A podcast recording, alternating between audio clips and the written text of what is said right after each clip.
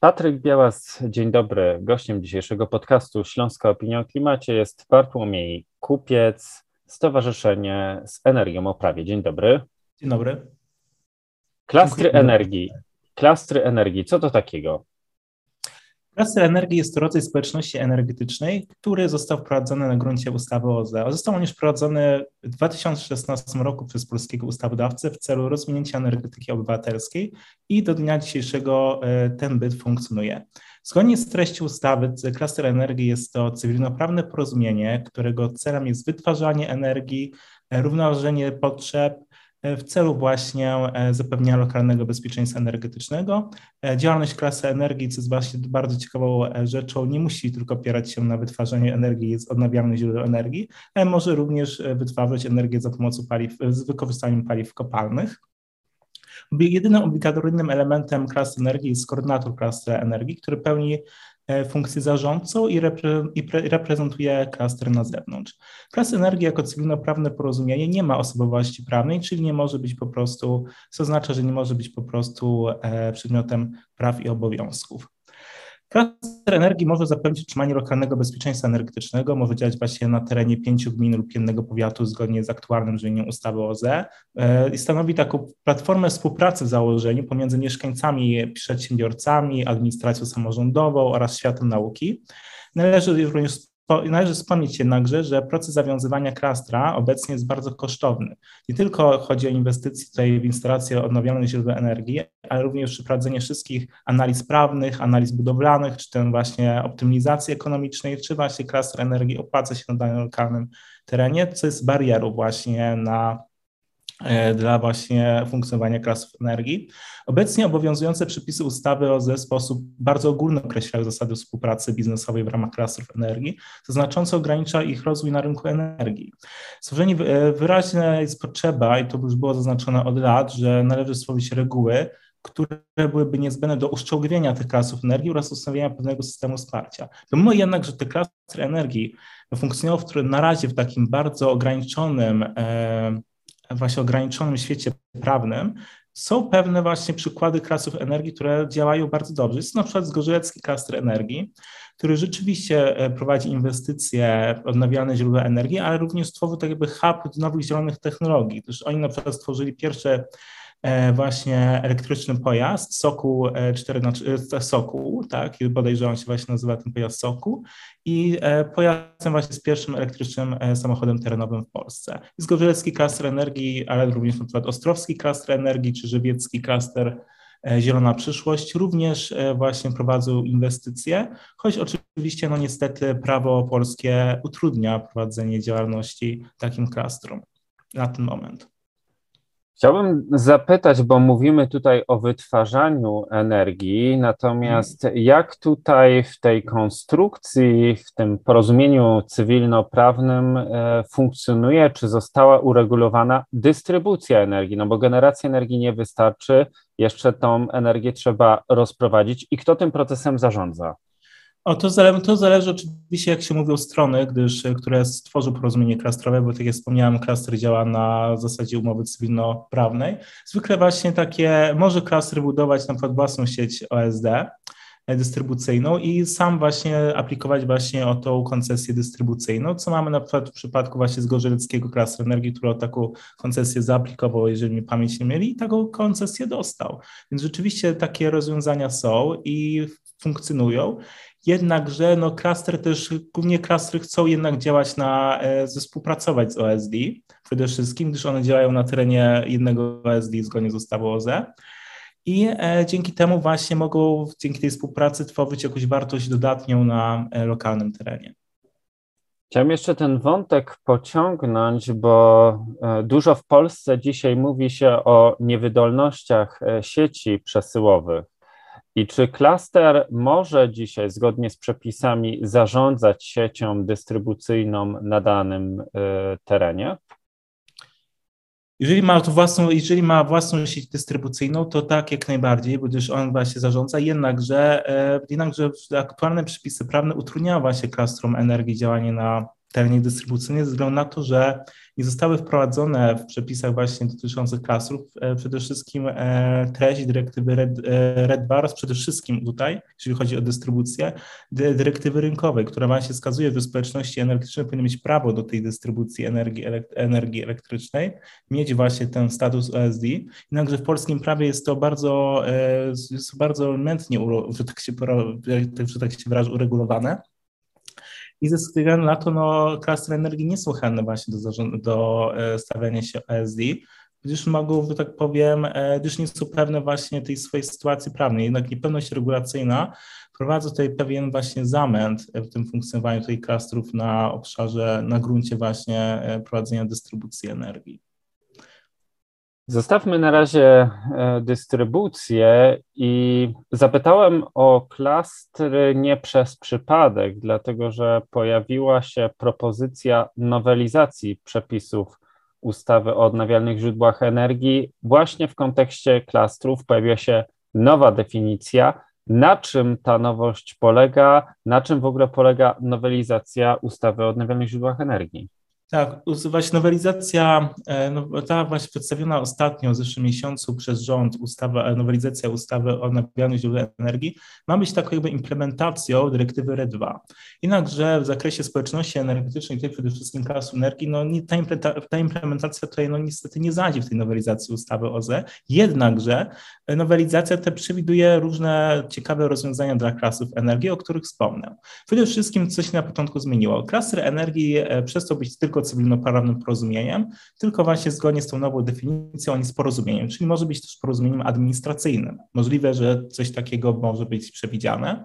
Również, że za, również tak naprawdę otwarto całkowicie katalog uczestników klastrów energii. Już teraz mogą również osoby nieposiadające osobowości prawnej, czy na przykład spółki cywilne zostać członkami klastrów energii, ale przede wszystkim właśnie to jest wprowadzony obligatoryjny obowiązek uczestnictwa samorządów, e, jednostek samorządów terytorialnych w klastrze energii, co, co osobiście oceniam negatywnie, gdyż to nie zmusi, e, że tak powiem, nie przymusi jednostki samorządów terytorialnych, a przede wszystkim gminy do aktywnego działania na e, gruncie klastrów energii to po prostu dalej mogą być biernymi uczestnikami, e, biernymi uczestnikami takiego klastra. Żeby zaktywizować e, gminy, należy wprowadzić zmiany w ustawie o samorządzie gminnym i wskazać właśnie, że definitywnie, że właśnie, e, że gminy muszą dbać o rozwój OZE i, i zrównoważonego rozwoju na swoim terenie i dzięki temu, i że są odpowiedzialne za, loka, za prowadzenie lokalnej polityki energetycznej w sposób i oraz doprowadzić do pewnych zmian właśnie w zakresie, w zakresie planowania energetycznego politycznego gmin, jego obo jej obowiązków i e, takie właśnie działania są potrzebne, a nie przymuszanie gmin do e, że tak się wyrażę, do uczestnictwa w klastrze energii.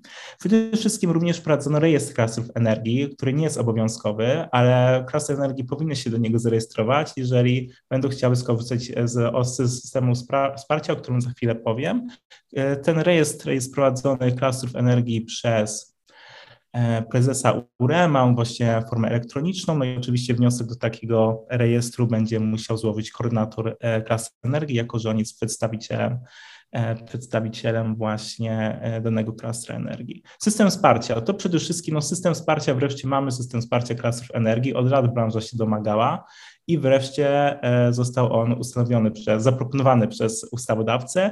On na razie polega na tym, że to jest szereg zwolnień. Jest to na przykład zwolnienie z opłaty OZE, z opłaty kogeneracyjnej, z akcyzy, między innymi i właśnie dzięki temu ten klaster energii ma lepiej funkcjonować. On został rozłożony na dwa, e, na dwa etapy, ten właśnie e, system wsparcia. E, pierwszy etap właśnie ma trwać do 31 grudnia i wymagane będzie, aby co najmniej 30% energii wytwarzanej wprowadzonej do sieci energii ze strony porozumienia klastrowego pochodziło z OZE, a łączna moc zainstalowanych instalacji w klastrze energii nie przekroczyła 100 MW energii elektrycznej oraz umożliwiała pokrycie w ciągu roku nie mniej niż 40% łącznego rocznego zapotrzebowania stroną porozumienia klastrowego. E, a później właśnie te wymogi zostały zwiększone do właśnie od tego, e, od 2027 roku. I ten cały, i cały ten właśnie system wsparcia klasów ma trwać do 31 grudnia 2029 roku, co jest bardzo moim zdaniem dobrym rozwiązaniem, gdyż pozwoli tym klastrom energii dojrzeć i będzie również uczciwe, to jest rozwiązanie dla innych uczestników rynku energii, gdyż e, klasy energii nie będą wspierane na przykład właśnie 15 lat, tak, czy 20, tylko przez pewien etap, żebyśmy właśnie mogli pozwolić tym społecznościom energetycznym, jakim są klastry, dojrzeć i rozwinąć się na rynku energii. Również wprowadzono taką możliwość usługi ograniczenia obciążenia szczytowego. E, jest zdefiniowana w ustawie formuła odpowiedniego, odpłatnego e, świadczenia na rzecz operatora systemu dystrybucyjnego e, przez stronę porozumienia klastrowego. I właśnie ta usługa polega właśnie na ograniczeniu szczytowej generacji energii i zasady świadczenia i wynagrodzenia tej usługi podlegają konkretyzacji w umowie. Co jest również ciekawe, wreszcie w tej umowie klastrowej wprowadzono właśnie pewne ramowe, jak ta właśnie ta umowa ma wyglądać na przykład wprowadzono obowiązek, że pod rygorem nieważności ma to porozumienie klastrowe być zawarte na piśmie, tak. Więc rzeczywiście e, to jest bardzo dobre rozwiązanie, gdyż umożliwia to, gdyż to pokazuje ludziom, jak tym podmiotom, które chcą założyć klaster energii, jak e, ta umowa ma wyglądać, bo na razie to była wolna amerykanka z tymi wszystkimi, że się tak wyrażę, umowami klastrowymi a dzięki temu, że ustawodawca trochę to, że tak powiem, e, wprowadził pewne minimum, co ta umowa ma zawierać, to rzeczywiście to jest bardzo dobre rozwiązanie. Podobne właśnie rozwiązuje, rozwiązanie funkcjonuje przy na przykład prosumencie zbiorowym, czyli wirtualnym działającym w grupie, co zostało właśnie, to jest bardzo uważam, że ciekawe i, i w pełni dobre rozwiązanie. Przede wszystkim, no jednak oczywiście, tak jak wspomniałem, ta ustawa, e, nowelizacja tej ustawy jest, e, wprowadza bardzo ciekawe i nowe rozwiązania dla klasów energii, ale tak jak wspomniałem, nie jest transpozycją dyrektywy RED 2 ani dyrektywy rynkowej. Już tak naprawdę społeczności energetyczne z tych obu dyrektyw mają osobowość prawną. Wciąż klaster energii nie ma tej osobowości prawnej i nie zanosi się, żeby on miał. Ponadto te, klasy, te dyrektywy te wskazują, że, że społeczność energetyczna w ich rozumieniu musi być demokratycznie zarządzana oraz musi być autonomiczna. Klaster nie musi być tak naprawdę demokratycznie e, zarządzany, po prostu strony się mogą umówić, jak się e, właśnie ten klaster ma być zarządzany i to wcale nie musi być na zasadzie demokratycznym, tak jak na przykład są zarządzane spółdzielnie, tak?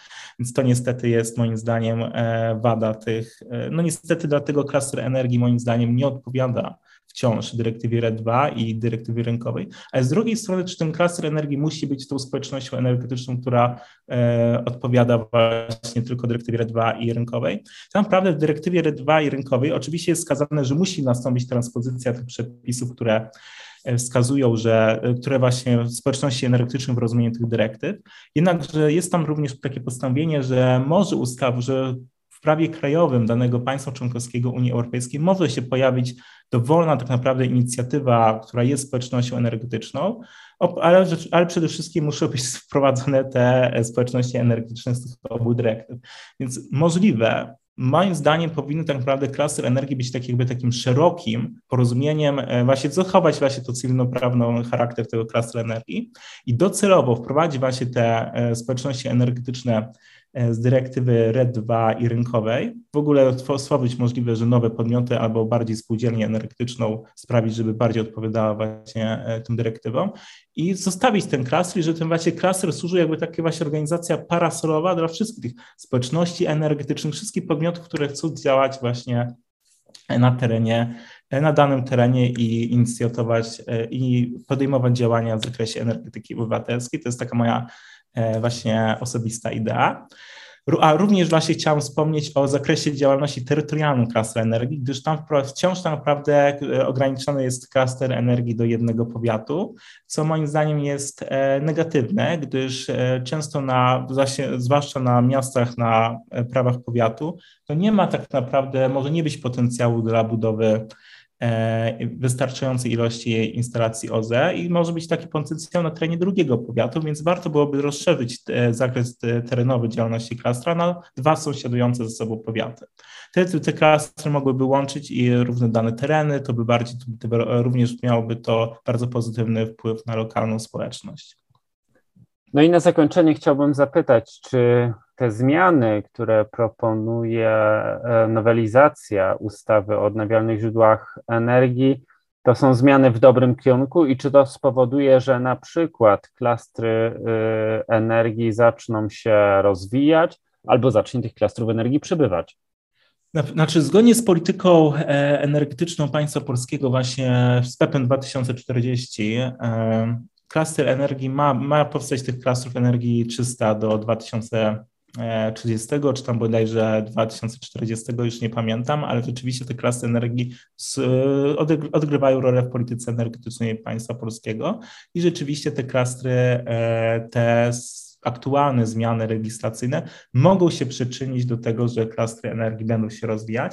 Jednak przede wszystkim, jednak przede wszystkim wciąż brakuje rozwiązań, które by sprawiły, że jednostki samorządu terytorialnego, ale w szczególności gminy, angażowałyby się aktywnie właśnie dla, e, na terenie klastra energii i sprawiały, i byłyby właśnie aktywnym takim członkiem tego klastra energii. Również moim zdaniem brakuje w tych rozwiązaniach prawnych, które zostały przedstawione, E, przez właśnie przez właśnie polskiego ustawodawcy zwolnienia klastru energii z uzyskania zgody prezesa URE na budowę linii bezpośredniej.